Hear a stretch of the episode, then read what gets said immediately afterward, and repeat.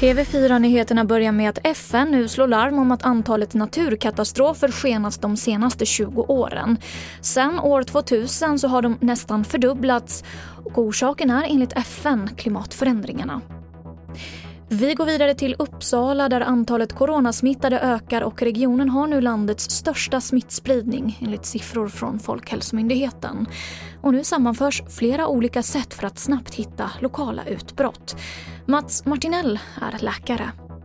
Drömscenario det är ju att vi kan skapa en bild som en karta över var någonstans det finns smittspridning på olika nivåer, olika stadier. Tror du att ni kommer kunna förutse var någonstans lokalt en smitta kommer att uppstå? Ja, det är det som är förhoppningen, att vi kommer kunna förutse upp till en vecka innan. Reporter här var Jessica Josefsson.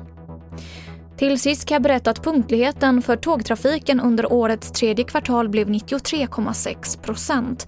Det är en förbättring med 2 procent jämfört med förra året.